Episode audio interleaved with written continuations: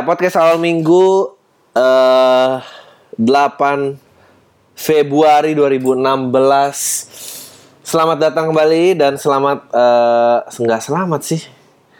Karena nggak pakai effort juga gitu untuk nyampe podcast ini. yang perlu lakukan adalah eh, ke YouTube atau ke SoundCloud cari eh, podcast awal minggu. Lalu dengarkan episode yang kamu mau dan jangan lupa subscribe dan komennya ya teman-teman. eh ini podcast spesial tahun baru Imlek, ya nggak sih? Gitu nggak sih? Katanya kayak kalau biar sukses, enggak lu tuh harus bisa baca pasar, Dri. Kalau emang situasi lagi hangat ngomong itu, lu harus ngomongin itu. Meskipun lu tidak ada kepedulian dan tidak ada eh, persamaan ras di belakangnya, tapi karena emang sudah ditetapkan menjadi hari nas hari libur nasional, jadi lu harus eh, well enggak sih. Gue gue actually gue harusnya peduli. Jadi eh, sebelumnya eh, gongsi gongsi eh, selamat hari raya Imlek, eh, selamat tahun baru Tionghoa, tahun baru Cina. Karena udah nggak boleh lagi nyebut Cina. Eh, karena nggak boleh nyebut Cina, gue nggak tahu sih gue pernah bahas juga. Eh, karena Cina tuh sudah melekat dengan hinaan, jadi harus diganti, harus dibuat dengan eh, makna baru gitu. Jadi kita nyebutnya Tionghoa gitu. Padahal ini mah nggak make sense menurut gue. Terus gue gue tuh nggak ngerti sama solusi-solusi yang kayak gini gitu. Eh, kalau misalnya 20 tahun lagi terus eh, ada orang Tionghoa mobilnya nyetirnya sembarangan gitu, bukan karena matanya, tapi emang misalnya nyetir, anggaplah dia nyetir sembarangan.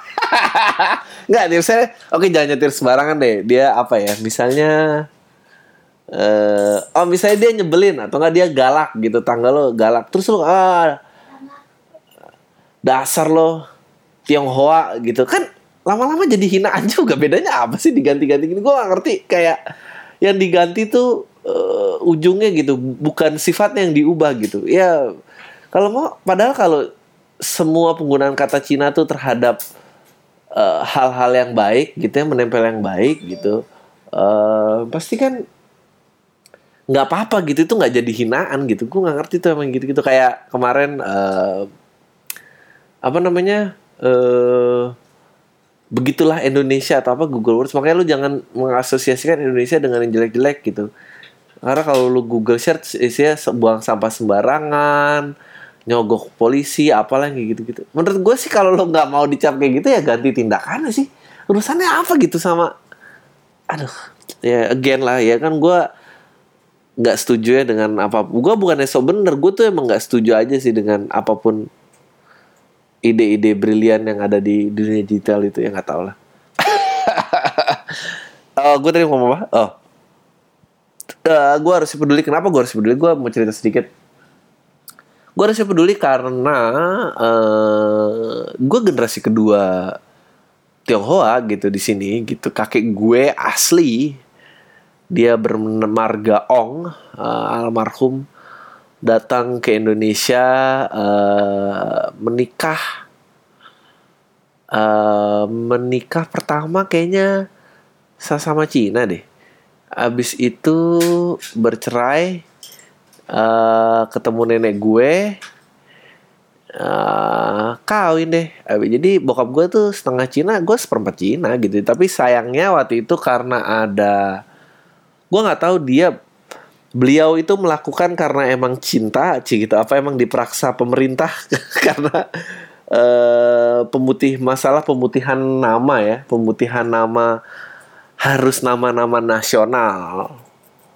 Oh, dan agama tidak boleh agama kepercayaan dan bolehnya cuma agama resmi. Jadi ya beliau pindah eh agama dan akhirnya gue ke hilangan kebudayaan Tionghoa gue ada jadi gue nggak pernah padahal sih mestinya gue berhak tuh melakukan kelentengan-kelentengan dan eh ya gitulah sedikit sedikitnya tentang gue jadi gimana semuanya menghadapi long weekend yang hujan dan anjing gue ngomongin apa ya gue masih bertahan dan lu masih semua di sini gitu. Dan eh, effortnya luar biasa lo banyak email-email masuk yang kayak bang gue nyariin teman-teman gue untuk dengerin ini dan nggak ada yang bilang lucu. Sedih sekali. Tapi ya ya ya udahlah ya nggak apa-apa nggak usah dipaksain men. Nggak apa-apa nggak apa-apa. Mau kayak apa sih? Gue juga belum tuh siap juga. Well ngomong-ngomong soal tenape lagi? Itu kalau membawa acara mati kutu banget nggak tahu harus nyambung ke mana langsung ngomong-ngomong soal ini. Padahal udah ada topik sebelumnya tapi harus dikelihatanin smooth. Itu kan ada di eh, pelajaran-pelajaran untuk eh, presentation school gitu ya. Kayak biar smooth kalimat ini jangan pernah terlihat gugup. Ya kalau terlihat gugup kenapa sih? Sama-sama manusia juga gitu. It's okay it's okay it's alright eh, ini kalau kedengeran bunyi cetek cetek cetek itu maaf ya karena eh, sang istri lagi eh, bekerja ingin membuat garage sale eh, yang akan ada pada tanggal 5 dan 6 Maret 5 dan 6 Maret di Kemang Raya nomor 39 Kemang Raya nomor 39 ya. Yang dijual kira-kira barangnya ada kayak apa aja? Um, Tops, bottoms It's not a gay reference Oh, Terus terus eh, tas, eh, sepatu eh, buat lo yang nggak ngerti itu maksudnya atasan, bawahan, eh, terus taigo. Terus Tas, sepatu, oke. Eh, perempuan, kebanyakan perempuan ya. Enggak ada laki-laki Laki, juga. oke. Terus ada keperluan bayi juga karena ada sekitar 30 tenants, 30 apa ya istilahnya booth gitu. Ya 30 boots, Eh, Terus- makan makanan kecil. Ada makanan kecil, Ah. ada kayak grilled sandwich, Ah. burger, Ah. apa yang kekinian gitu. yang kekinian. Iya. Food truck, food truck gitulah. Mungkin tukang cukur keliling juga ada yang mau yang beli. Enggak. Enggak ada ya kalau tukang cukur. ya. Terus harganya dari 5.000 sampai yang branded banget ada. Oke. So, Hmm. ya kalau lo mau lihat kita artis-artis dalam kehidupan normal kayak apa? Emang kamu bisa Enggak, enggak. datang bantuin aku? Nggak datang datang. Eh nanti seru loh, ada DJ performance, terus ada what do you call it? Ada kids playground gitu buat yang bawa anak. Oke. Tapi yang dengerin kamu punya anak gak sih? Ada beberapa. Oh. Ada. Ya wal aku sih berusaha eh, Enggak, masalahnya tuh masa masih Aku masalah nggak tahu mau curhat ke mana gitu loh. yang email-email. Bang Adri, gue ini ini ini ini. ini. Ya nggak tahu. Gue sih berusaha. Gue sih berusaha ini appeal di eh, segmen umur gue ya gitu. Gue nggak berasa sok muda sok muda gitu dan mengerti anak muda sekarang jadi ya. Ya semoga mereka datang. kamu bisa datang Bisa, Sabtu Minggu. bisa, bisa. Kamu nggak ke Java Jazz? Enggak lah yang target market ini enggak kerja. Ngomong aku ke target market sendiri dihina-hina. Iya. Well ya jadi eh ya 5 6 Maret di Kemang Raya. Nomor 39 nomor ada 39. kayak kos-kosan eksklusif Ada namanya kos-kosan. 2510. Oke.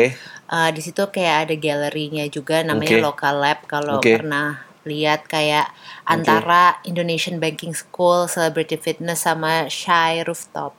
Oke. Antara situlah. Oke, ya. Udah. Cukup iklan Terlalu ini. ini ya. Enggak ini 5 terlalu- menit baru siaran Enggak terlalu menit hard sendiri iklan sendiri. enggak? Enggak enggak apa-apa.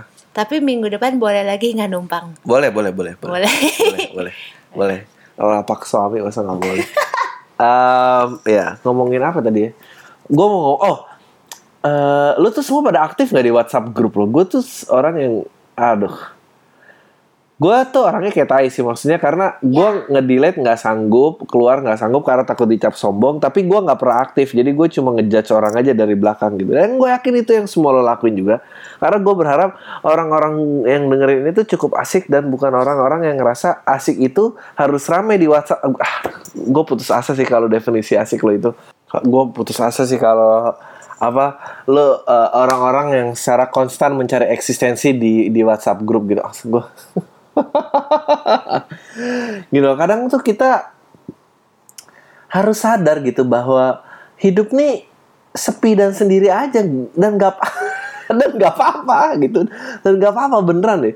Karena pertemanan aduh nggak tahu ya, sejak digital era dan dan dan dan dan dan internet ini pertemanan tuh emang mereka beneran teman lo apa gitu. Pertemanan tuh fana banget beneran oh harus dijaga tali silaturahmi bang. Iya iya coba coba coba lo ngomong ke WhatsApp grup lo sekarang.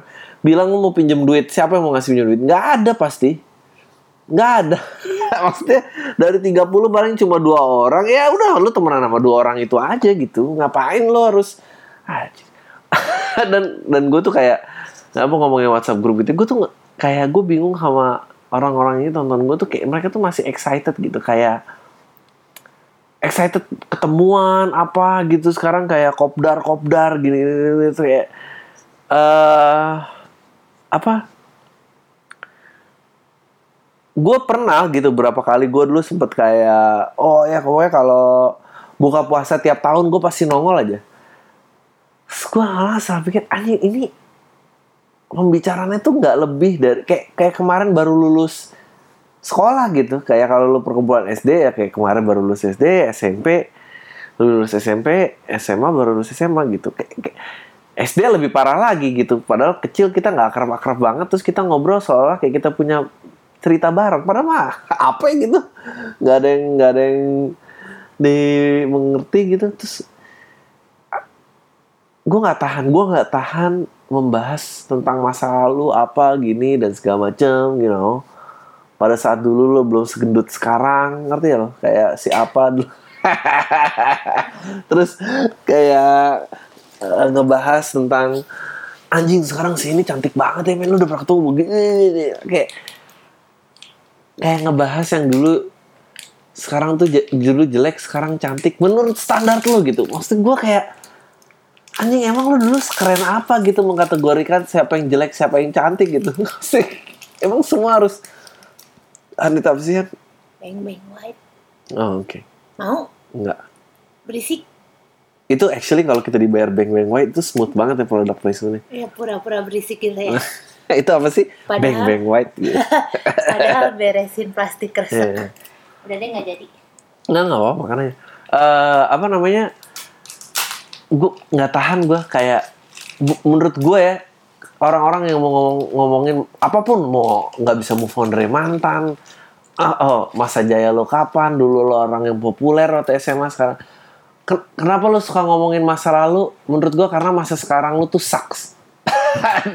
And that's the truth. Karena karena kalau masa masa sekarang lo dan ke depan tuh jauh lebih cerah ya masa lalu tuh pengen lo tinggalin men. Ngapain lo stuck di situ?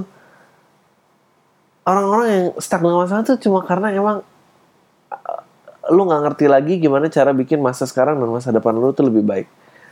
Dan lu kalau lu menurut gue langkah pertama lo kalau lu pengen bikin masa depan lu dan masa depan masa sekarang dan masa depan lo lebih cerah ya lo harus tinggalin yang loser loser itu. Loser. Loser. Apalagi yang dulu ketua geng sekarang masih pengen jadi ketua geng. Yang merasa masih eh, eh, lu tau kan ada mami mami mami geng perempuan itu yang kayak SMP dulu dia mami gengnya anjing tuh loser pasti masa masa sekarangnya dia tuh dia pasti lagi di dalam dari kelanda kesulitan karir nggak maju. Dan yang lebih parah lagi menurut gue itu sama parahnya tuh yang masih merasa pengen posisinya sama kayak masa lalu atau ada orang-orang yang berusaha merebut tahta tapi tahtanya tuh dulu dipertarungkan di masa lalu gitu. Anjing itu lebih loser lagi sih menurut gue si A tuh masih ngapain sih? Dia pikir dia masih incar sama dia juga jelek kayak mendingan juga gue nih gini-gini. Dia ngerasa itu itu spot untuk untuk diperebutkan loser. Karena dua-duanya hidup demi masa lalu gitu. Eh, apa tadi? Demi masa lalu ya. Gue tuh nggak tahan ya karena di sana ada orang yang gue tuh nggak ngerti dia dia tuh masalahnya apa gue nggak ngerti gitu. Karena dia tuh gue nggak tahu ya, dia nggak kuper menurut gue dia nggak kuper. Eh, dia salah satu yang ya lu tau lah tipikal anak yang populer gitu. Eh, dulu zaman itu kayak orang-orang belum bawa mobil dia udah bawa mobil. Po- pokoknya jadi maksudnya secara finansial nggak nggak nggak kekurangan lah. Secara fisik juga eh eh dulu ah, keren gitu nggak bukan pokoknya dia bukan materi lu tau kan kan ada anak-anak yang auranya minta dibully nih. Lu tau kan yang dari auranya aja udah aduh ini sih bakal kena masalah mulu nih seumur hidupnya. Ya jadi temen gue tuh ya dia cakep uh, secara finansial berada uh, termasuk yang populer tapi hobinya tuh bohong mulu. Kayak anjing bokis. Dan bokisnya tuh bukan bokis-bokis yang lo ngerti gak sih? Bukan bokis-bokis yang eh apa eh, berusaha keluar dari masalah gitu. Misalnya kayak eh mana kamu kok nggak bawa PR gitu. Kalau nggak saya gampar nih dia. Guru zaman dulu soalnya masih digampar. Dulu masih boleh. Sekarang kayak wah itu child abuse pak. Dulu sih itu namanya disiplin anak-anak sekarang mana tahu dasar lemah eh apa namanya Eh iya, jadi dia tuh sering bohong. Jadi dia bukan mending kalau bohong dalam keadaan terjepit gitu, kayak misalnya dipalak gitu. Eh, pagi dong lima ribu, aduh gila ibu gue nih lagi sakit apa ini ini. Tapi dia gue nggak bisa kasih lima ribu men gitu. Atau kayak PR nggak bawa oh tadi rumah saya mati lampu pak. Nggak nggak nggak bohong gitu gitu. Dia tuh bohongnya hal-hal yang nggak penting. Menurut gue sih nggak penting ya gitu. Jadi kayak oh iya nih gitu. Eh apa dulu dia main musik gitu kayak eh dr- drum gue baru nih gini gue seneng banget gini, gini, gini. ntar lo main aja. Terus ke rumahnya nggak ada drum. Dan dia biasa aja gitu kayak feeling gue sih dia kayak udah sering terlalu sering bohong dia tuh lupa dia harus ngejaga kebohongan dia yang mana gitu. Kayak orang kalau bohong kan berusaha dikip kan nah dia tuh enggak dia nggak peduli jadi dia bohong abis itu ya udah abis itu nggak ini aja gitu. Jadi terus bohong bohong dan sampai tua masih bohong kayak oh ya gaji gue segini gue udah kerjain. Aduh kalau kerja gini mah capek dri. Di di sih sih gue lo punya gak sih teman-teman kayak gitu? Dan gue nggak ngerti. Ya orang-orang itu masih ditemenin aja. Gue udah gak kuat gue udah gak kuat sih. Gue gak kuat. Dan lu gue tuh nggak gue kan orangnya gue orangnya agak gampang dikibulin soalnya. Jadi dulu pernah nih zaman-zaman eh PS1 mau mau ganti ke PS2 dan PS2 eh ya baru jarang yang punya. Terus gue kayak eh men main ke rumah gue aja temen gue gue eh main ke rumah gue aja gue udah punya kok PS2 gitu. Asik nih nongkrong ini nih udah nih. Tapi waktu itu dia nyebut pas lagi anak-anak nggak bisa jadi nggak ada ya udah nggak ada yang datang gitu. Ah gue harus ini gue harus les gue harus apa ya udah nggak apa-apa gitu. Ya sayang banget padahal PS2 nya oke banget loh bla bla bla bla. Udah terus kayak tiga bulan kemudian gue datang nggak ada nggak ada PS2 cuma ada PS1 aja. Dan dia tuh nggak dan gue itu masih nanya kayak karena gue gampang dibohongin kayak eh men PS2 lo ke- mana? Katanya ada PS2 enggak itu ada sepupu gua biasalah masih kecil gitu ngerengeng-rengeng minta dipinjemin. Ya udah deh terus orang tua gua nggak enak gitu harus dipinjemin. Terus gua kayak oh orang tuanya baik juga ya mau minjemin ke sepupunya. Gue saking tololnya ikut yang itu tuh gue tuh percaya loh terus kayak lama akhirnya gue lima kali enam kali gue belajar kayak anjing nih orang cuma bokis doang nih gitu. Kenapa ya ada orang-orang kayak gitu? Gue nggak ngerti tuh. Dan dia sampai ya udah sampai tua gitu masih bohong ya ngerasa kerjaannya inilah itulah gitu. Lo punya gak sih? Orang-orang kayak gitu? Dulu eh ini juga true story sih. Eh adek gue adek gue pacaran gitu ya. Dan gue dari awal udah aduh. Dan dan dan perempuan menurut gue lebih susah kalau perempuan berbohong tuh lebih sus- susah ketahuannya daripada lelaki. Karena emang ya bukan nggak tahu ya kayak cowok kan kalau yang jahat tuh pasti cowok gitu gitu pokoknya cowok lah image yang jelek-jelek kalau perempuan kan yang baik-baik. Padahal mah ya sama aja gitu. Emang lo pikir cowok selingkuh? Kenapa? Kalau ada cewek yang mau kan baru bisa selingkuh. Nggak mungkin dong selingkuh sendirian. Jadi apa? Jadi yang jahat tuh dua-duanya. Anyway. Ya dulu adik gue pacaran gitu ya. Em, ini juga nih, nih orang-orang yang doyan bohong nih ada di setiap lingkungan. Gue nggak ngerti kenapa. Adik gue udah pacaran terus pokoknya waktu itu putus terus pokoknya ceweknya tuh devastated banget lah Eh, bu- buat lo yang nggak tau devastated hancur lah sih gitu. Hancur banget ceritanya. Pokoknya ini dan dan dan dia waktu itu zamannya Friendster ya. Dan dia bikin dan cewek itu saking pengen kelihatan tegar di depan adik gue dia sampai bikin pacaran pacar hayalan loh. Jadi dia kayak ngerasa ya dia pokoknya men- mempresentasikan ke depan tontonnya bahwa dia gue tuh baik-baik aja gue tuh nggak apa-apa gue tuh udah punya pacar baru bla bla bla gitu. Dan ternyata nggak ada. Pacar pacarnya tuh bohongan gitu.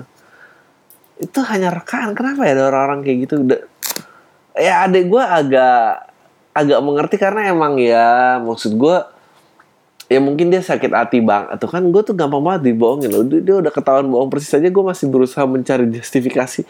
Ya mungkin dia menciptakan pacaran hayalan karena dia sakit hati banget. Padahal memang tukang bohong aja gitu.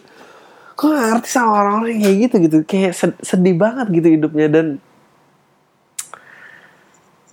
apa ya? Gue nggak gue nggak pernah tuh jadi orang itu gitu. Gue bukan berusaha menjadi orang yang so baik kayak gitu. Tapi gue nggak pernah menjadi orang kalau emang gue nggak nggak sanggup ya ya udah gitu kalau gue emang nggak secakap itu untuk masuk geng ya nggak apa-apa gitu gue nggak harus juga bikin geng saingan yang berusaha membus cewek-cewek itu ada tuh yang kayak gitu ada nih geng cantik gitu yang ngakunya sih Enggak, kita nggak sengaja kok. Kita emang kebetulan punya kesamaan aja. Padahal sih emang udah di ke SMA tuh ngeliat yang ah iya lu lu itu mah jelek nggak masuk jadi teman gue gitu ya. Yang cakep, ini yang cakep-cakep aja gitu pengen jadi geng gue.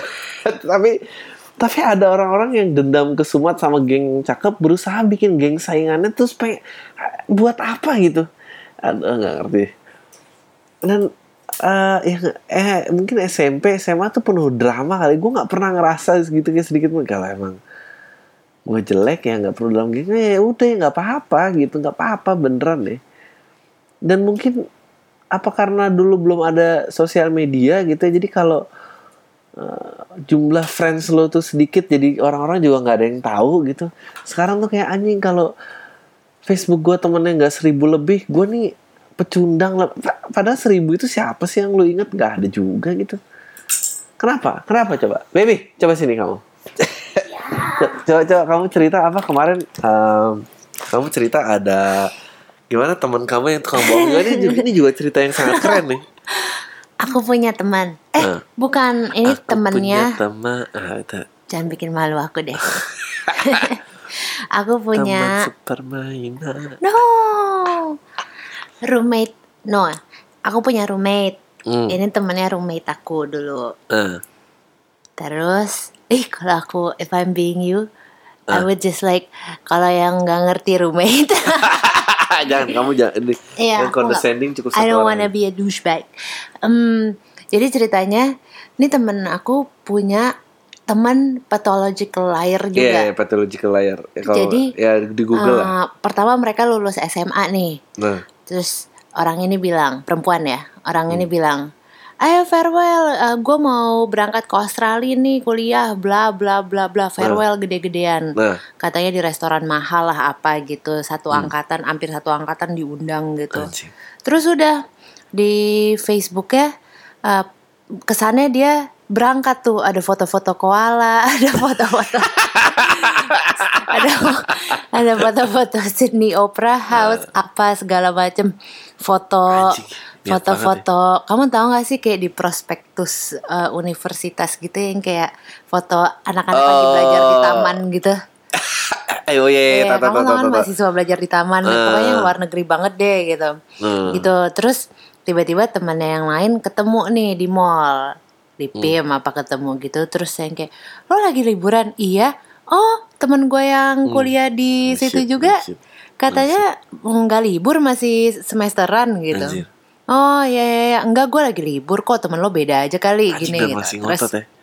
Habis itu habis itu udah uh, dia pulang lagi ke gap lagi sama temen yang satu lagi bilangnya nggak betah di sana. Pulang ke Jakarta. Oh, pulang ke Jakarta. Iya, Ah, iya, iya, iya, iya. oh, iya, gue nggak betah di negara maju, Ah. kendaraannya sepi, nggak macet, orang-orang bisa ngantri, Eh, naik motor pakai helm, Terus kenapa nggak abis betah? itu pokoknya nggak betah gue. pokoknya dia nggak kuliah, Eh. nggak kuliah. Terus ngakunya lagi suka diving deh. Eh, ngaku instruktur diving juga jangan-jangan intinya di Facebooknya dia tiba-tiba foto orang diving doang. Anjing. Kamu tahu kan kalau foto diving gitu Iya, nggak iya, kelihatan nggak kelihatan mukanya. mukanya, iya, bener, bener, jadi jadi ya udah orang-orang ya percaya aja itu dia padahal temennya ada satu udah mulai pinter gitu di Google lah image-nya. Eh. Ternyata itu foto-foto dari Google. Anjing goblok banget. Google Image. Terus abis itu belum sampai situ. Abis itu dia ngaku pacaran sama siapa. Dia sengaja nyebut nama cowok Eh, yang profilnya protected. anjing. Tapi ternyata ada a friend of a friend yang temenan sama cowok ini dan ketahuan dia nggak pacaran sama cowok ini. Wow. Yang lucu di Facebooknya perempuan ini isinya tuh kayak eh, apa namanya? Misalnya kesannya tuh ada foto ya. Kesannya nih cowok duduk seberangan sama dia di sebuah meja restoran. Hmm. Jadi caption captionnya tuh yang kayak yang my baby is eating his ice cream gitu. Tapi gak pernah ada foto dia. Gak pernah bareng anjing sedih banget ya. Kasihan. Nggak, tapi kayaknya teman-teman roommate kamu tuh harus ketemu mantannya adik aku deh. Kenapa? Karena karena bikin pacar itu lebih efektif, lebih lama nggak ketahuan bikin pacar yang hayalan daripada yang ada sungguhan tapi profilnya kelok. Karena kalau satu kota aja pasti ntar ada temenan yang Ya, temenan nggak sama dia. Aduh gila mulai- bego banget Iya ya. udah mulai bodoh Udah mulai aja. berkurang ya. Udah mulai berkurang. Hmm, Eh, Pokoknya- maksudnya at least kalau mau bohong eh, kalau dia bilang suka diving, boynya cari dari Google Image-nya yang page 2 atau page 3 Enggak, gitu ya. dia Dia enggak- page 1 enggak ya anjing agak bego. Pokoknya ya. pokoknya ketemuan. Pokoknya tuh eh ketemuan, ketemu lah fotonya. Terus eh, udah gitu ya orang-orang sibuk lah ngomongin di belakangnya. Gila nih orang ternyata bohong dari zaman kita SMA bla bla bla bla gitu. Terus eh, abis itu terakhir dia ngakunya kerja di Pertamina. Tapi udah mulai nggak peduli Kerja ya. di Pertamina. Terus yang dia post tau gak apa? Eh. Bahkan dia gak kuliah ya. Eh. Yang dia post tuh foto-foto dia di pom bensin. Sedih banget, sedih banget. Padahal aku juga bisa foto di pom bensin. Sama dia gitu. Sedih Terus ya udah pas udah tahu gitu kayak pembukaan pom bensin mana gitu kan caption captionnya. Udah makin kayak prestis. gitu udah nggak ada yang nanggepin lagi. Anjing, kayak. Peer groupnya udah memutuskan untuk udahlah nih orang sakit gitu. Udah kita nggak usah bahas dan lagi. itu anjing dan itu dan itu pasti jadi hari tersedihnya dia ya pada saat udah nggak ada yang nanggepin lagi. Iya, padahal Anjing. padahal kata roommate aku dia tuh maksudnya backgroundnya oke. Iya. Kayak nggak nggak apa ya nggak berantakan nggak apa gitu emang suka bohong aja. Anjing. Nah, dan orang-orang kayak gitu tuh gue juga bingung kayak dia tuh pasti kayak setiap dia bohong apa terus kayak uh kok orang-orang tuh kepo banget sih? Kan gue jadi ketahuan bohong gitu. Orang lain lagi yang bohong. gue gue takut loh sama manusia-manusia kayak gitu dan gue nggak ngerti itu masalahnya apa ya. Dan itu bukan dan itu bukan masalah orang nggak punya loh itu masalah orang punya. Karena orang kalau nggak punya kalau kalau bohong sih pasti ketahuan kan. Anjing gue tai banget ya bener itu itu mungkin kelebihannya orang nggak punya dia nggak nggak doyan bohong karena apa yang mau dibohongin gitu. Semua orang tahu ya nggak ada yang mau jahat banget. Ya mungkin ada juga kali yang nggak. Well ada juga sih yang eh tapi ternyata nggak apa nemu. Gue gue kira juga gitu. Gue kira orang-orang yang nggak punya secara ekonomi berbohong dia di kelas ekonomi yang berbeda. Oke lah gue masih atau orang-orang yang eh, eh, eh, pergaulannya terbatas nih tapi ternyata dia berusaha lebih populer daripada tapi ternyata kasusnya gue sama istri gue tuh kayak aja orang ini tuh nggak apa-apa secara tampang secara finansial gitu. Nggak apa-apa gitu tapi kenapa bohong gitu? Emang apakah ada hobi? Gue sih cak gue tuh bukan nggak doyan bohong gue tuh capek ketahuan tau gak lu? Gue gue bukan nggak kuat gue capek ketahuan tuh orang tuh ketahuan. Aduh nggak tahu. Anjir setengah jam cuma buat ngomongin orang. Ini, ini gue yakin emang topik podcast ini nggak akan ada batasnya karena emang ya isinya ngomongin orang aja. Ya jadi buat lo yang eh, punya cerita-cerita serupa ditunggu ya emailnya di lu sebel gak sih sama nada-nada komersial tuh semua sama? Aku tunggu ya email semuanya di podcast awal minggu at gmail.com. Sekali lagi ya, podcast awal minggu at gmail.com. No caps. sampah, sampah. Podcast awal minggu pas untuk kamu. Eh, podcast awal minggu buat yang kamu-kamu. Apa lagi? Ah. Dan lo masih tertipu juga dengan nada-nada komersial. Salah siapa ya udah sejelek itu masih ini. Gue sih nggak apa-apa dengan komersialisasi. Tapi ya please lah caranya. Yang lebih sophisticated dikit gitu. Em, udah ini udah setengah jam kayaknya. saatnya masuk ke surat pembaca rubrik surat pembaca Tunggu saking miskinnya nih. nggak gue nggak mau pakai kayak gitu-gitu oke saatnya buka email oke eh, dari Rengga Hai bang, gue Rengga, pendengar setia podcast lo sedari awal. By the way, thanks udah bikin gini sangat menghibur. Gue punya cerita, sekalian aja kasih pendapat lo ya. Eh, gini, semasa kuliah gue punya temen kakak angkatan playboy kampus gitu. Ah. Sampah. Kenal pun awalnya dari deketin salah satu cewek cantik di kampus yang ternyata adalah mantan dia. Anjing, ngapain sih lo? eh dia di kampus banyak mantannya bang cantik-cantik ya ampun kita jadi sering ngumpul main PS dan cerita bareng tiba pada suatu obrolan gue cerita kalau gue lagi deketin salah satu cewek kampus lagi. Dan dia teman gue yang playboy itu nasihatin buat gue buat cari yang lain. Ah sampah. Gue belum tahu lo nanya apa gue udah ngata-ngatain sampah. Setelah gue tanya kenapa jawabannya dia sering diajak eh men ini anak-anak mainan anak kecil. Diajak ML sama beberapa cowok. So salah satunya temen gue tadi di kampus dunia serasa sempit bang cewek cantik di kampus kebanyakan kenal dia anjing emang tapi semenjak kenal teman playboy kita jadi tahu mana cewek yang nakal dan mana yang cewek nggak nakal di kampus sayangnya cewek yang nakal di kampus itu kebanyakan cantik bang yang alim biasanya malah biasa aja dan jelek anjing sok banget loh kayak lo paling keren aja Nah menurut lu sendiri di mata seorang Adriano Kalbi punya teman playboy itu bermanfaat nggak? Aduh. Anjir lu ngapain ya gitu? Eh, eh gue nggak tahu sih satu kiri. Gue dulu kan gue udah sering nih berulang-ulang gitu. Eh, gue pernah ngomong tentang pacaran tuh kayak nemu duit di lu cowok tuh sering nanya kamu udah ngapain aja sama mantan kamu? Gitu. Ngapain lu tau tau kayak gitu? Menurut gue tuh pacaran tuh kayak nemu duit di jalan aja. Nggak usah tanya siapa yang punya ambil aja. Karena apa? Karena lecek nggak lecek nilainya tetap sama. Itu tuh sebetulnya maknanya sangat mendalam loh gitu. Gue nggak tahu ya. Semua pengen ketawa doang tapi nggak mau mikir. Lecek nggak lecek ni- nilainya sama aja itu meaning kalau lo emang segitu sukanya dan segitu lo udah cinta dan segala macem ya mestinya itu nggak mempengaruhi penilaian lo sih. Mas gue keputusan yang dia buat sebelum lo tuh nggak ada urusannya sama lo gitu. Maksudnya lo mau anjir ya. Lo kalau sekarang lo ngerasa lo baik nih lo pengen sama cewek-cewek baik. Dan- tapi lo ternyata dari sisi baik lo lo dinilai lo pecundang sama orang lain lo terima karena padahal karena lo mengambil langkah-langkah yang nggak bandel dan lo dibilang ah ini mah pecundang dia cuma anak kayak gini doang. Lo terima sama aja kayak gitu men. Nggak tahu gue tuh paling sebel sih sama orang-orang yang gue nggak gue nggak suka sih sama orang gue nggak suka sama orang-orang yang eh, doyan merendahkan gitu. Ya gue merendahkan orang sih tiap hari di podcast ini tapi lu tahu itu gue jadi susah nih mau ngasih nasihat apa ya gue gue nggak suka main yang kayak gitu-gitu. Kayak tau lah terserah lo. Kalau lu ngerasa bermanfaat ya lu main aja deh sama temen lo yang kayak gitu. Gue gue sih ya, aneh menurut gue terus kenapa gitu? Dia sekarang temen lo ngerasa dia baik gitu. Kayak oh yang ini keren yang ini enggak yang ini nakal yang ini enggak nakal ini yang nakal. Karena apa? Karena gue eh, karena gue udah tahu itu semua kayak "Ah, anjing dia pecundang. Ini ini orang-orang kayak gini nih yang yang yang merasa playboy di kampus nih orang-orang ini nih ya- yang kerja nanti karir yang nggak mampu cuma pengen masuk ke reuni doang karena dia tahu titik emasnya cuma di situ. Progresi hidup ke depannya nggak bagus.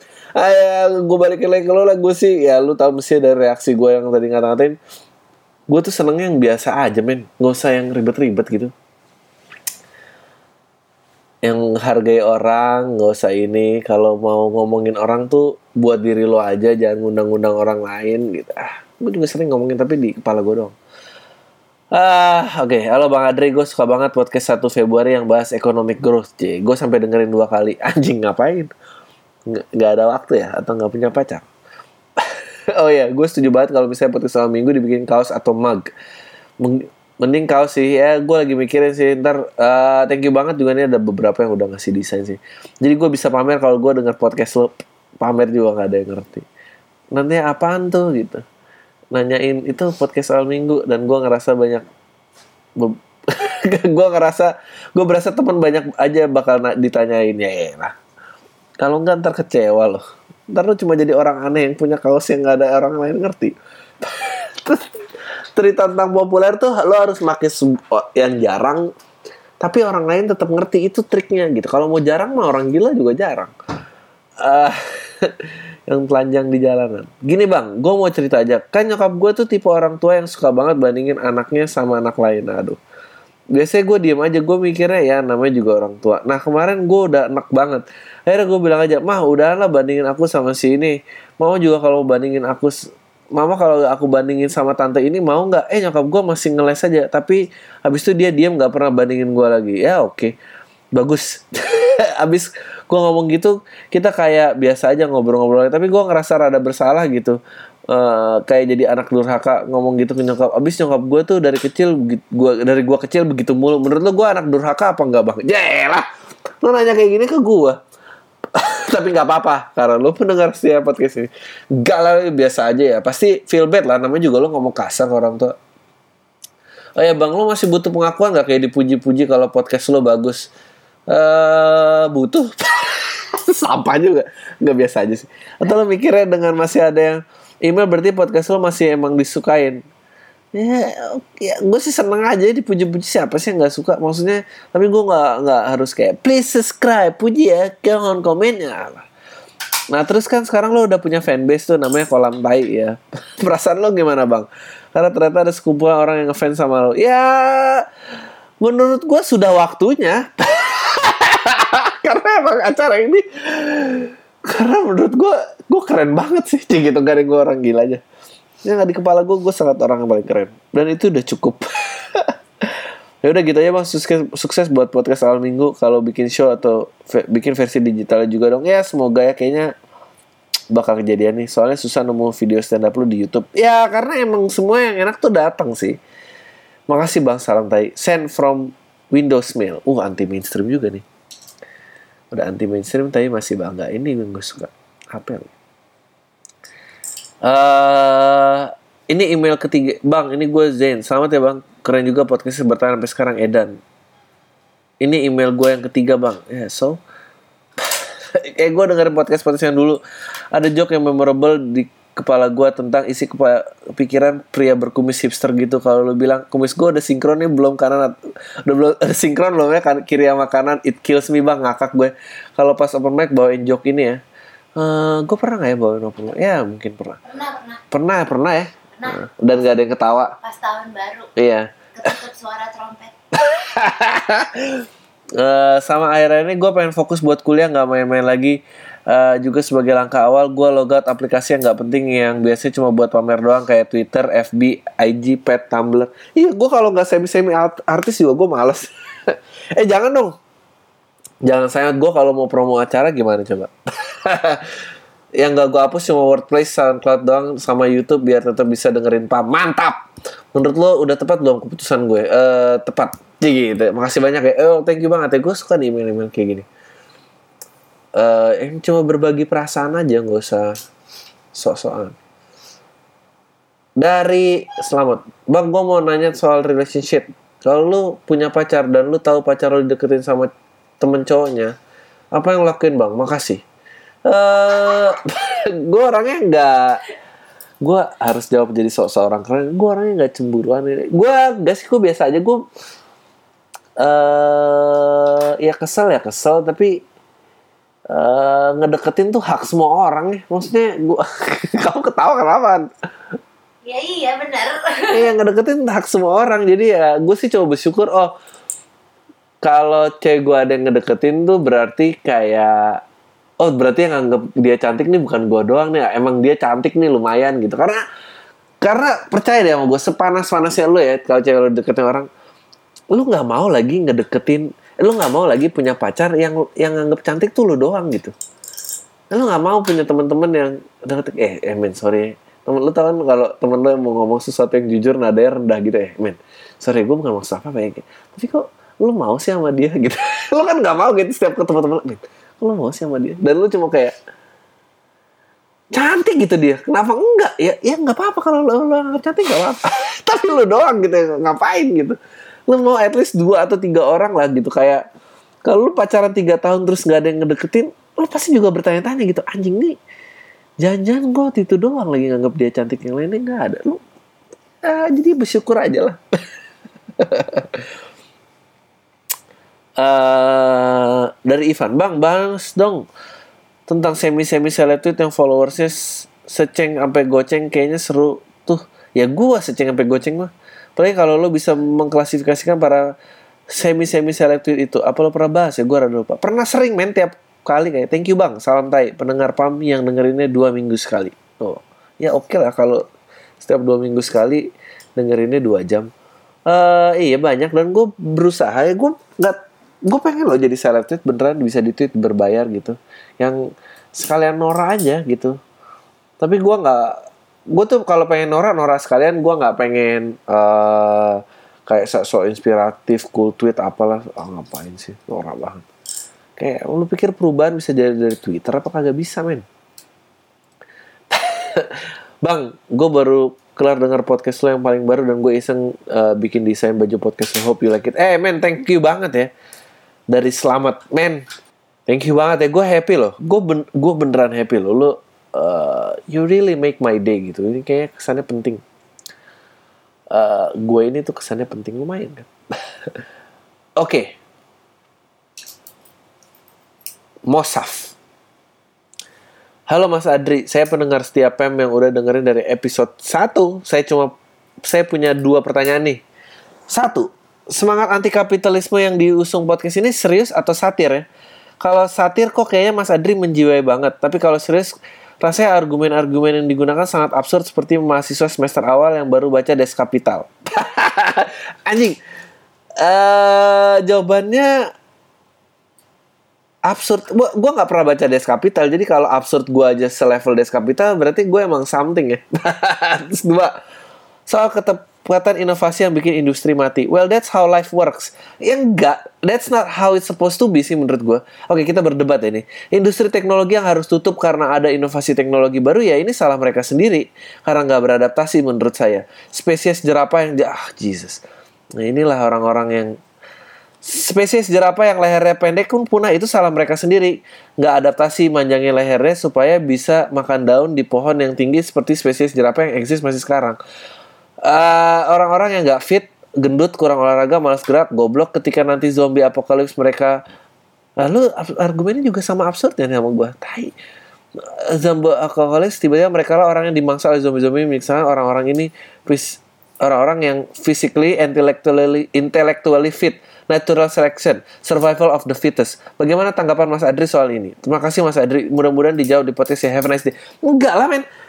That's not how it's supposed to be gini loh pertama tadi yang gue bilang gue nggak pernah baca Des Kapital kedua kalau lu ngerasa that's how life works eh lu temuin suku Baduy aja lu tembak-tembakin aja gitu. Kenapa ah, apa yang lu tungguin gitu? Eh, katanya that's how life works. Ah enggak lah. Eh, menurut gue gini loh kapitalisme juga ada mestinya ada titik jenuhnya gitu. Lo lo mau sampai kapan lagi menemukan barang yang sama diulang-ulang lagi gitu udah gitu mobil mau seberapa lebih canggih lagi? Oh ya mobil sekarang eh, kalau bannya kom- kempes komputer ngasih tahu kita men kalau nggak pakai komputer juga kalau feeling lo bagus ban kempes tuh lo tahu. Menurut gue tuh ada titik jenuhnya mestinya. Eh sama kemakmuran untuk semua tuh menurut gue semua harus bisa hidup bersama sih. Masih banyak main suku yang nggak bisa baca masih banyak suku yang nggak kenal obat-obatan modern gitu. Eh, konsentrasinya kenapa nggak ke situ gitu eh kayak korek api. Ya, seberapa keren sih korek api gitu? TV gitu hitam putih berwarna HD sekarang ultra HD kayak. Terus ada lagi dilengkungin udah udah TV udah stop it gitu. TV udah mentok let's move on gitu. Kayak mau TV kayak apa gitu? Sekarang di handphone bisa nyetel ti aduh nggak penting men. Kamera kamera ada di handphone ini ini, ini. Eh, ya udah gitu. Mau berapa kali kamera gitu? Let me guess kameranya ngambil foto kan gitu. Nggak ada fungsi lain juga gitu. Atau apa ya gitu. Eh ya kedua juga jangan serius-serius amat sih gitu. Gue gue bukan anti kemaju kemajuan ya tapi menurut gue eh, selain obat-obatan modern atau apalah menemukan sesuatu yang tidak diketahui sisanya udah nggak penting sih menurut gue kayak ya potongan rambut alat cukur aduh gitu. buat apa sih? Buat bikin kumis melintir aja ditemuin berulang-ulang. Fashion tuh juga nggak penting menurut gue sebenarnya.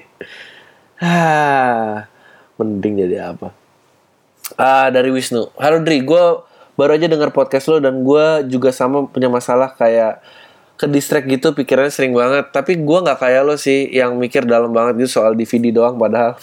Ya ya karena emang lo belum segue sih gitu gimana sih caranya biar bisa punya pikir mendalam gitu? Salut gue sama lo he. Eh, nggak ada ya. Karena gue punya podcast jam se- seminggu sejam harus siaran jadi harus cari bahan. Oh ya lu punya masalah punya ngontrol emosi gak sih? Eh dulu punya sekarang ya nggak selalu sih ya masih sih. Gue sering gitu tiba-tiba kesel sama orang gara-gara kesalahan kecil doang gitu. Gue nggak kesalahan kecil gue biasanya numpuk terus tiba-tiba ada yang kecil gitu ah! Langsung tiba-tiba yang dari semua yang gue udah sebelin jadi keluar. Benar. Istri lah benar. Ah ya gue lagi berusaha. Emang susah sih itu emosi buat gue eh Dri kalau jualan t-shirt gue beli deh asal jangan desainnya nggak norak. Gak usah pakai foto menara BNI setan. Menurut gue kalau mau ngedesain t-shirt taruh aja logo pam gitu aja keren. Thank you Adri eh ya gue eh, thank you ya saran-sarannya. Oh gue mau kan terima saran? BNI sebetulnya bukan itu sih gue lagi mau cari cara biar eh biar kelihatan Jakarta aja Malam bang, by the way nama saya nggak usah disebut bang, Cie gitu. Saya dengerin PAM dari awal. Waktu itu lagi liburan kuliah nggak ada kerjaan. Eh pas banget bang Andri bikin PAM. Saya cuma bantu subscribe YouTube, follow SoundCloud, tapi nggak nge-share ke teman-teman soalnya nanti pada keren, eh pada dengerin jadi pada keren. Cek lah. Saya jadi nggak keren sendirian. Buat apa keren sendirian tuh? Karena ini bukan bikin tentang bikin lo beneran deh ini tuh bukan tentang bikin lo keren. Ini tentang bikin gue terkenal. Jadi kalau lo keren-keren tuh gue kapan terkenalnya? Kadang ah ya. Udah jijik banget gue buang Inggris. Gue alergi debu. Nih, survival of the fittest. Gue tuh alergi debu. Apa gue mestinya harus mati ya? Karena ngapain ada manusia yang bertahan alergi debu coba? Ya enak aja loh. Kalau gue mati lu nggak dengerin pam. yang kemarin tuh masalah orang insecure seolah-olah notifikasi HP-nya bunyi padahal nggak ada apa-apa. Di poin itu saya ngerasa lebih hina. saya ngerasa di ngerasa lebih hina. Waktu zaman SMP lagi awal-awalnya PDT, PDT apa sih? PDKT. Eh, mungkin anak baru nggak perlu pakai kali. Saya juga sering insecure soalnya dengar notifikasi HP. Eh pas dicek ternyata nggak ada apa-apa. Tapi saya nggak berhenti sampai situ bang. Saya mensugesti diri saya bahwa sebenarnya ada SMS masuk cuma karena memori internal HP full. Jadi masalah SMS-nya ke delay. Nah, anjing, aneh banget. Secara dulu masih zaman pakai HP Nokia 6120 klasik. Memori internal aja cuma beberapa megabyte. Alhasil dihapuslah SMS selama yang membusuk di inbox. Ya terus disayang-sayang gitu kayak aduh sayang ini dihapus sih, Cing gitu. Yang ini masih bagus padahal udah Nah, buat apa coba? Kan sebel kan lo yang tadinya ada artinya cepet banget nggak jadi nggak cepet banget nggak punya arti gara-gara kemajuan zaman. Ah. Ternyata kenapa penting harus punya arti dalam ini gua kasih balik lagi. Kenapa kemajuan zaman tuh harus stay sebentar biar memiliki arti karena ada nilai sentimentalnya akan ada lagu-lagu yang dibuat seputar itu dan dan gue orang I'm a romantic gue suka ada lagu-lagu yang ya bener loh di zaman itu seperti itu gitu. I just call to say I love you. Coba kalau sekarang nggak bisa men. Telepon salah sambung nggak bisa. Kayak Indonesia tuh juga sosok paling siap aja menerima kemajuan zaman. Lu tau gak sih kalau acara radio komersil sampai 2016 itu semua radio tuh punya acara salah sambung? Anjing ada ada HP itu mesti lu nggak mungkin salah sambung. Tapi saking pengen memeg berpegangan terhadap masa lalu aja masih bikin acara salah sambung. Buat apa coba? Kita juga nggak segitu siapnya lagi nah ada lagu pager tirit pager ke bumi itu aja sekarang nggak bisa lagi Eh, ternyata tetap nggak masuk SMS.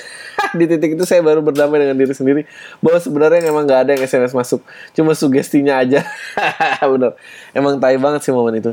Terus kedua masalah coli bikin sial. Men, ini masalah coli bikin sial ini banyak banget ya. Ada pertanyaan lagi ntar gue sambung dari SFM gue. Saya nemuin orang yang akhirnya saya anjing deh akhirnya jadi ajang berkumpul orang-orang aneh. Akhirnya saya nemuin orang-orang yang sama pendapatnya kayak saya. Ya astaga. Setelah dari dulu mencari argumen di setiap dis- diskusi tentang coli boy coli itu memang bawa sial men. Astaga enggak men. Aduh yang kayak gini-gini nih Indonesia siap kemaju kemajuan zaman. Makanya sampai sekarang saya sok menyimpulkan sendiri satu anjing pakai angka lagi. Oh my god dia bakal serius nih. Secara tahayul kalau di aduh dia pakai bawa nama agama. Nggak usah gue sebut ya agamanya. Eh tapi harus mandi wajib. Ketahuan dong agamanya apa. Mandi wajib ini kan ritual yang memang harus dilakuin walau rada nggak masuk akal. Ini dia yang bilangnya jangan bilang gue gue nggak mau bawa gue rasa nggak masuk akal untungnya ada untungnya juga. Soalnya kalau diamati secara nggak langsung mandi wajib mengurangi presentasi kesialan kita setelah coli Oke, secara logika, Jesus. Kalau misalnya itu kan tubuh kita memproses keluarnya sperma dari tubuh hampir sama kayak senggama. Cuma bedanya kalau coli. Men, gue nggak bisa men ngomong kata ini sebanyak ini. Gue orangnya nggak suka ngomong kasar. Mi- milih gaya yang sama nggak harus sewa hotel.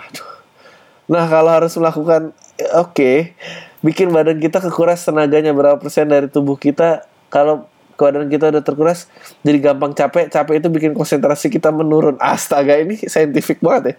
Jadi karena konsentrasi kita udah rendah sebelum waktu seharusnya apa yang kita lakukan tuh jadi jadi goblok. Kebetulan goblok itu adalah hal yang kita yang yang kita yang lakuin kita yang kena jadi sialah kita makanya saya menyimpulkan mandi wajib lah setelah aduh ya oke gue pokoknya segitu ya enggak juga gue bisa berargumen eh kalau lo mau balik ke mantan lo yang udah tahu nyelingkuhin lo berkali-kali kalau lo masturbasi lo bisa jadi nggak nelpon dia lo. Lo kayak anjing sadar juga ya gue nggak harus nelpon dia. Hampir aja gue terjerat dalam lingkaran setan yang sama. Tapi karena masturbasi gue menyelamatkan diri gue untuk nggak balik ke mantan gue gitu. Bisa. Ini juga ada yang nanya di SFM gue bang gue baru baca ada yang bilang ke lo kalau eh, masturbasi gitu jangan kata C ini gue nggak doyan dua kali sial. Gue sama cowok gue juga ngerasa gitu sih. Kalau abis main biasanya.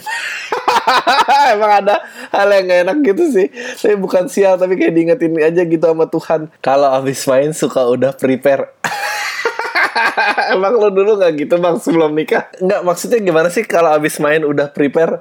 Kayak kalau abis main udah prepare gimana? Lo? Apa kalau belum sebelum main tuh kayak lagi di momen-momen gitu? Kamu udah siap kalau abis ini sial? Saya yakin mau ngelakuin ntar abis ini sial loh. Ya siap prepare apaan? Eh ini juga ada email dari Andres gitu apa tanggapannya eh, ngewe sebelum nikah. Gue gue gini loh kalau gue eh kan semua akil balik ya gitu. Em, menurut gue kalau lo emang sudah dewasa, meaning eh, sudah dewasa kalau di Indonesia tuh ya 17 tahun lalu lulus SMA lah. Dewasa. Lo lo lo bebas memutuskan sesuatu yang berkaitan dengan hidup lo. Dan eh sebetulnya kedewasaan bisa diraih lebih cepat tuh tapi ya udahlah anggap aja di situ umurnya. Eh menurut gua ya lo bebas. Karena gini karena lo harus ngambil keputusan. Meskipun eh, itu katakanlah salah lah biar biar lo belajar gitu. Kalau enggak semua nanti aduh gue sih kayak udah pada tua aja pasti masih eh pada kayak anak kecil gitu. Gue nggak tahan sama negara ini yang yang yang generasi mudanya tuh padahal udah berumur tapi semua aktingnya kayak anak kecil gitu. 24 tahun masih kayak anak kecil. Lu tanya bapak ibu lu kawin umur berapa punya anak umur berapa nyicil rumah tahun berapa? Dan sekarang achievement lu, lu ngapain? Karena lu kayak anak kecil iya beneran gue gue nggak tahan. Eh, jadi kalau lu SMA menurut gue lu berhak memutuskan mau kuliah nggak kuliah. Eh, dan ini nggak pandang bulu ya tentang seksual tadi pendidikan lo karir lo mau ngapain lu boleh ngambil keputusan. Dan lakukanlah secara dewasa gitu. Eh kalau berkaitan dengan hal seksual ya ya kita semua udah tahu resikonya. Ya lakukanlah dengan aman lakukanlah dengan persetujuan. Eh, eh, lawan main kita gitu. Gue tadi mau bilang lawan jenis tapi nanti ntar ada yang sejenis gue mendiskreditkan lagi kan nggak boleh gitu. Cigi gitu. Biar modern nih podcastnya. Ah, ya jadi gitu sih. Gue bebas aja sih gitu dan gue nggak tahu tentang sial nggak sial kayak emang lu ah, aduh jatuh nih dari motor kita sih tadi melakukan hal yang tidak tidak kayaknya nggak ada ya kayak gitu. Eh iya kayak gitu. Kira-kira. Eh, si Andres ini juga nanya eh, halo bang Adri salam tay gue mendengar setiap podcast lu bang. Cerah gue mau tanya-tanya dong bang kira-kira dalam masa hidup lo yang paling berat tuh kapan bang? Kalau bisa cerita dong ada moralnya juga. Tay gue cerita moral mulu gitu. Kan penasaran bang perasaan lo happy mulu. Eh ya masa iya manusia ada manusia langka kayak lu bang. Makasih bang udah baca podcast lu yang paling keren bang. Eh masa hidup gue berat? Sekarang berat ya? Maksudnya eh ya gue merasa ini tuh something dan dan dan, dan lu juga ngerasa tapi yang something tuh ternyata bukan yang laku ya gitu. Iya gak sih? Ini berat banget loh buat gue. Eh, kalau masa kecil eh oh gue banyak beratnya men. Eh, kalau gue pakai sih kalau gue pakai buat jual buku laris sih laris manis. Terus bisa ntar lah itu taktik terakhir aja kali ya kalau udah semua yang nggak laku ntar gue buka aja. Tapi kalau nggak itu nggak bisa gue keluarin kalau gue belum sukses. Kalau gue sukses ntar baru kayak kalau gue sukses tinggal gue parah-parahin tuh masa lalu gue saya dulu dipukuli padahal sih cuma dipukul sekali gitu kayak dilebih-lebihin aja. Ah gue agak udah nggak inget ya karena gue banyak sih dari SD, SMP gitu, eh, SMA, kuliah. Gue ngerasa susah, tapi gue ngerasa kayak eh, apa pun kesusahan lo, gue tuh selalu ngerasa ya. No, Oh, gue oke. Gue selalu ngerasa eh, kenapa harus itu yang jadi judulnya itu aja sih. Dan menurut gue mesti lo hal hal yang sama sih kayak gue nggak suka lo bisa memilih takdir. Tuh kan ada moralnya kan? Lo bisa memilih takdir lo beneran deh. Lo nggak harus Ah, oke katakanlah katakanlah lo dapet situasi nggak beruntung ekonomi atau atau atau orang tua lo yang orang tua aku tuh nggak ngerti passion aku bang. Ya, ya orang tua lo masih banyak mungkin ada beberapa yang orang tua masih berjuang di zaman penjajahan Belanda gitu dan lo berharap ngerti passionnya gimana? Nggak ngerti lah. Ya lu juga kadang-kadang tumbuhin hati dikit kenapa hmm. gue tuh sedih dan seneng ya kembali lagi tentang reuni tadi. Gue nggak suka berpegang pada masa lalu sih itu aja sih. Hmm, mau seneng juga kalau lu ngerasa masa sekarang lu parah itu karena lu selalu berpegang ke masa lalu dia atau enggak lu ke lihat, ke orang dan dan gue nggak nyaman gitu lama-lama. Gue ada gitu masa kayak ah gue nih tapi gue tua men. Dan gue nggak mau jadi orang kayak gitu dan mesti lo nggak usah jadi orang kayak gitu karena apa karena har, har karena esok kan masih ada. Tuh makanya lo dengerin tuh talik mau esok kan masih ada. Ha, ha, oh tapi itu lagu Indonesia sih. Dan refnya nggak pakai bahasa Inggris. Rifki halo bang. Gue ngikutin podcast lu tiap minggu. Tapi baru minat ngirim email. Sekarang udah ada topik yang minggu lalu bicarain soal kemajuan teknologi itu menarik. Tapi yang salah menurut gue adalah cara pandang orang-orang terhadap teknologi itu sendiri. Ya orangnya serius-serius banget ya yang email gue dan bagaimana kita menggunakannya? Bukan kemajuannya. Enggak. Gitu. Eh, kita menggunakannya apa? Apa sih? Dari sosmednya apa sih? Ya paling eh, ya ada kan revolusi di Mesir ya gitu karena sosmed. Gue bukan antipati. Ya, maksudnya kalau terjadi perubahan besar bagus. Tapi gue cuma nggak bingung yang kayak it kills me setiap ada industri yang baru jadi dan hancur men industri itu mestinya ber- bertahan. Ini ini kenapa gue salut sama industri jam tangan? Karena secara teknologi dia itu obsolete tapi bertahan loh. It- it- itu gue kagum banget. Dan ya selalu patah hati aja setiap setiap kemajuan dan hancur kemajuan dan hancur. Mau apa pun itu alasannya gitu. Mestinya hal lahir dan berkembang itu aja gitu. Eh, dan ini penting. Di beberapa edisi lo sering ngeluarin jokes tentang fenomena du- dukungan dede-dede Twitter sama perusahaan-perusahaan tertentu. Ini sabi bang, mantap. Oh ya, oke, thank you. Kalau orang-orang liberal yang ideologis sering ngaku sebagai pendukung gagasan kemajuan denger jokes lu pasti lu ditai-taiin secara nggak langsung jokes lu politis banget. Ha, thanks bang. Eh, kalau orang-orang itu dengerin gue eh joke mereka nggak berani komentar apa apa sih biasanya. Kalau gue lagi stand up karena gue gue tahu gue bener. mereka kan cuma ikut-ikutan doang. Kalau gue kan hasil pemikiran sendiri. Eh, Oke, ini eh, halo bang, saya udah maki. Saya salah satu pendengar setia PAM dari Semarang. Saya udah ngikutin Bang Adri sejak nonton video YouTube dari Komtung TV yang berjudul bukan open mic. Saat itu saya ngerasa ngikutin semua karya Bang Adri. Saya sempat nonton live Bang Adri pas Wana sempat mampir ke Semarang bareng Youth Proaktif. Oh iya bener. Hebat juga. Eh, sama nonton Stand Up Fest 2013 saya sampai bela-belain beli DVD Panji yang merdeka dalam bercanda biar bisa nonton lo stand up lagi. Padahal gua nggak gitu suka stand up komedi Panji. ya nggak apa-apa bagus. Ya lu berani juga ya sebut nama ya. Ntar kalau nggak ada proyekan dari dia maaf aja ya. Gitu nggak deh. Nggak pak, sejak Adri ngeluarin podcast saya jadi nambah beberapa pengetahuan meskipun nggak ada buktinya tapi nggak salah-salah amat. Saya coba berbagi ke teman-teman tentang podcast ini tapi nggak ada yang tertarik. Wah iyalah nggak ada yang tertarik karena gue nggak terkenal. Gue cuma lucu aja. Gitu. Buktinya tiap gue coba bahas orang bahas bahan yang di podcast nggak ada satupun teman gue yang nyaut. Aku juga pernah denger kayak gitu di podcast Adriano Colby. gue paling gak gue udah berusaha nyoba berbagi lah. Eh, thank you man. Cukup bahasa basinya. Oke. Anjing banyak- baru mau nanya nih. Saya sekarang umur 24 tahun dan mau lulus kuliah S1.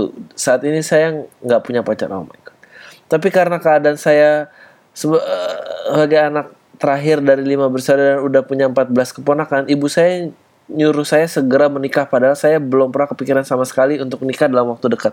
Saya menyapa pendapat Bang Adri yang akhirnya menikah. Kenapa saya harus menikah selain sama alasan patuh sama ibu? Karena karena saya orangnya nggak bisa kalau harus berdebat sama orang tua. Thanks buat waktunya bang. Keep up the work. Wah pertama kan lu bilang tadi nggak punya pacar. Pertama bang pasti lo harus punya pacar. Itu dulu aja sih sebelum berdebat masalah ideologi. Kedua lo lo harus bisa jelasin ke ibu lo sih gue men 24 tuh masih muda banget lo gue kawinnya gue umur 32 men tahun ini gue 32 gitu eh istri gue 30 gitu. Eh, jadi kita cukup lunas karena petualangannya tuh banyak banget yang harus lo laluin gitu dan lo harus temuin buat diri lo sendiri bukan buat siapa-siapa gitu. Eh, kalau lo emang menemukan dan udah nyaman gitu dengan diri lo ya nggak apa-apa bagus. Tapi kalau enggak itu yang kasihan kalau lo udah ini ibu lo nyuruh kayak gitu karena mungkin eh ide tentang kebahagiaan dari generasi ibu lo tuh nggak nggak ada yang lain gitu. Tentang itu jadi wajar kalau beliau nyuruh seperti itu dan dan lu bukan ngajak berdebat tapi lu kasih penjelasan aja bahwa ya lu udah kayak gini. Atau eh, ya ibu boleh nanya terus saya juga boleh nolak terus. Ya gituin aja gitu. Ya di di di bawah santai aja. Nggak bus nggak usah semua perdebatan tuh dibawa ke ke ke hal-hal prinsipal. Karena sebetulnya bisa aja dia cuma pengen ah nih anak nih pengangguran lagi. Gitu kan bisa aja gitu ah bisa aja sebetulnya ibu lu cuma pengen ya mestinya dia punya pacar dong bisa aja cuma di situ. Tapi karena lu kayak ah nih ibu gua nggak harus kayak gitu. Jadi santai aja sih dibawa asik.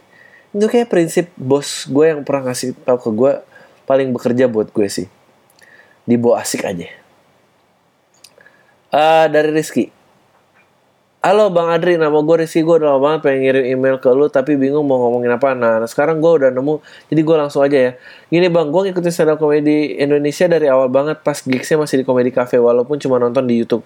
Gue cuma suka komedi jenis ini yang bisa dibilang seru gue temuin waktu itu.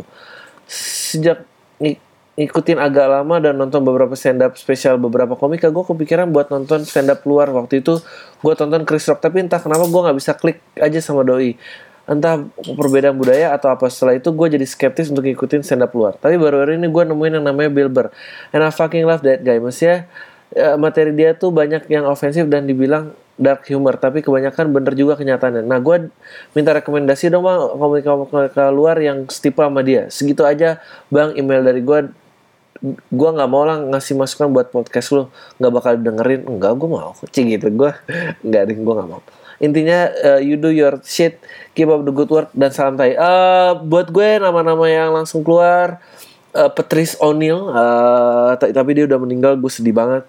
Uh, dia lebih gelap lagi terus ada lagi Jim Jeffries. Uh, gue suka lagi Simon Amstel.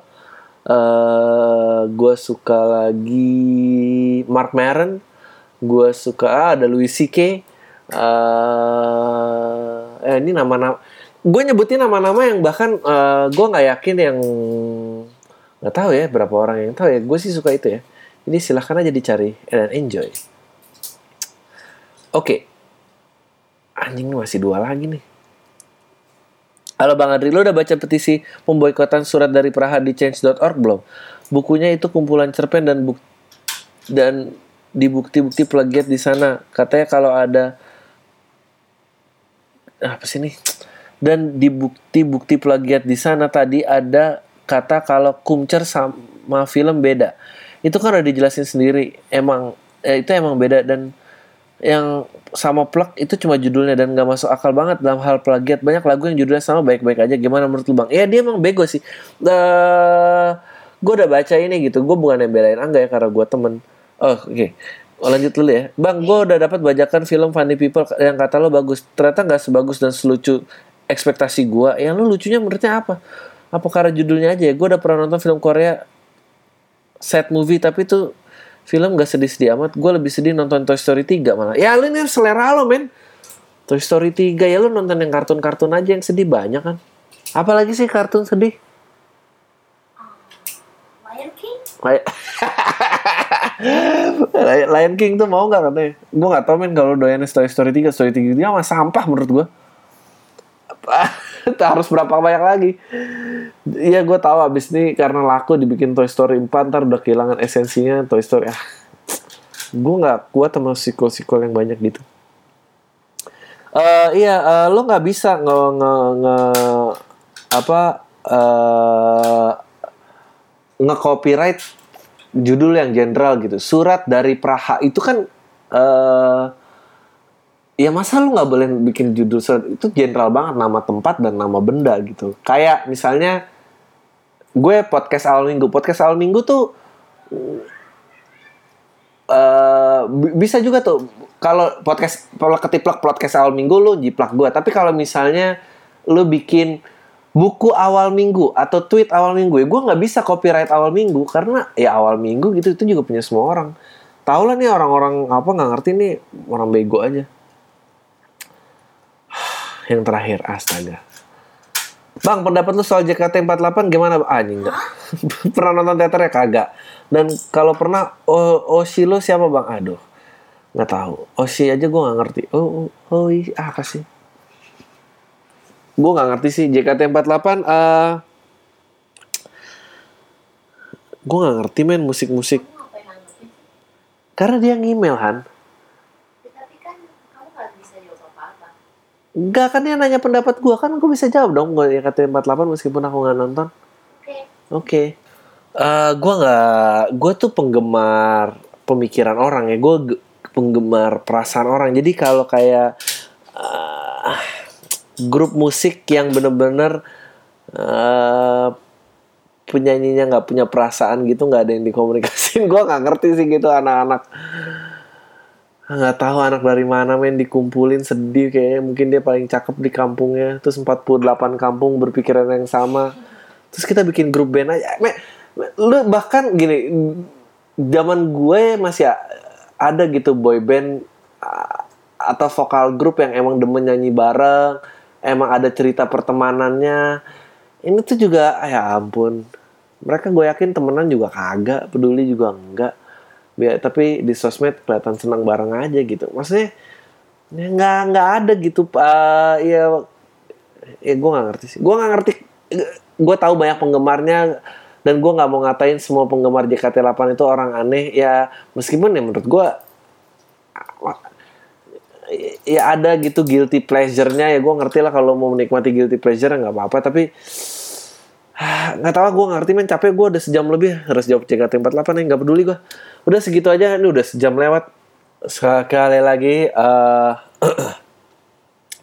Selamat tahun baru Cina. May you have a prosperous year.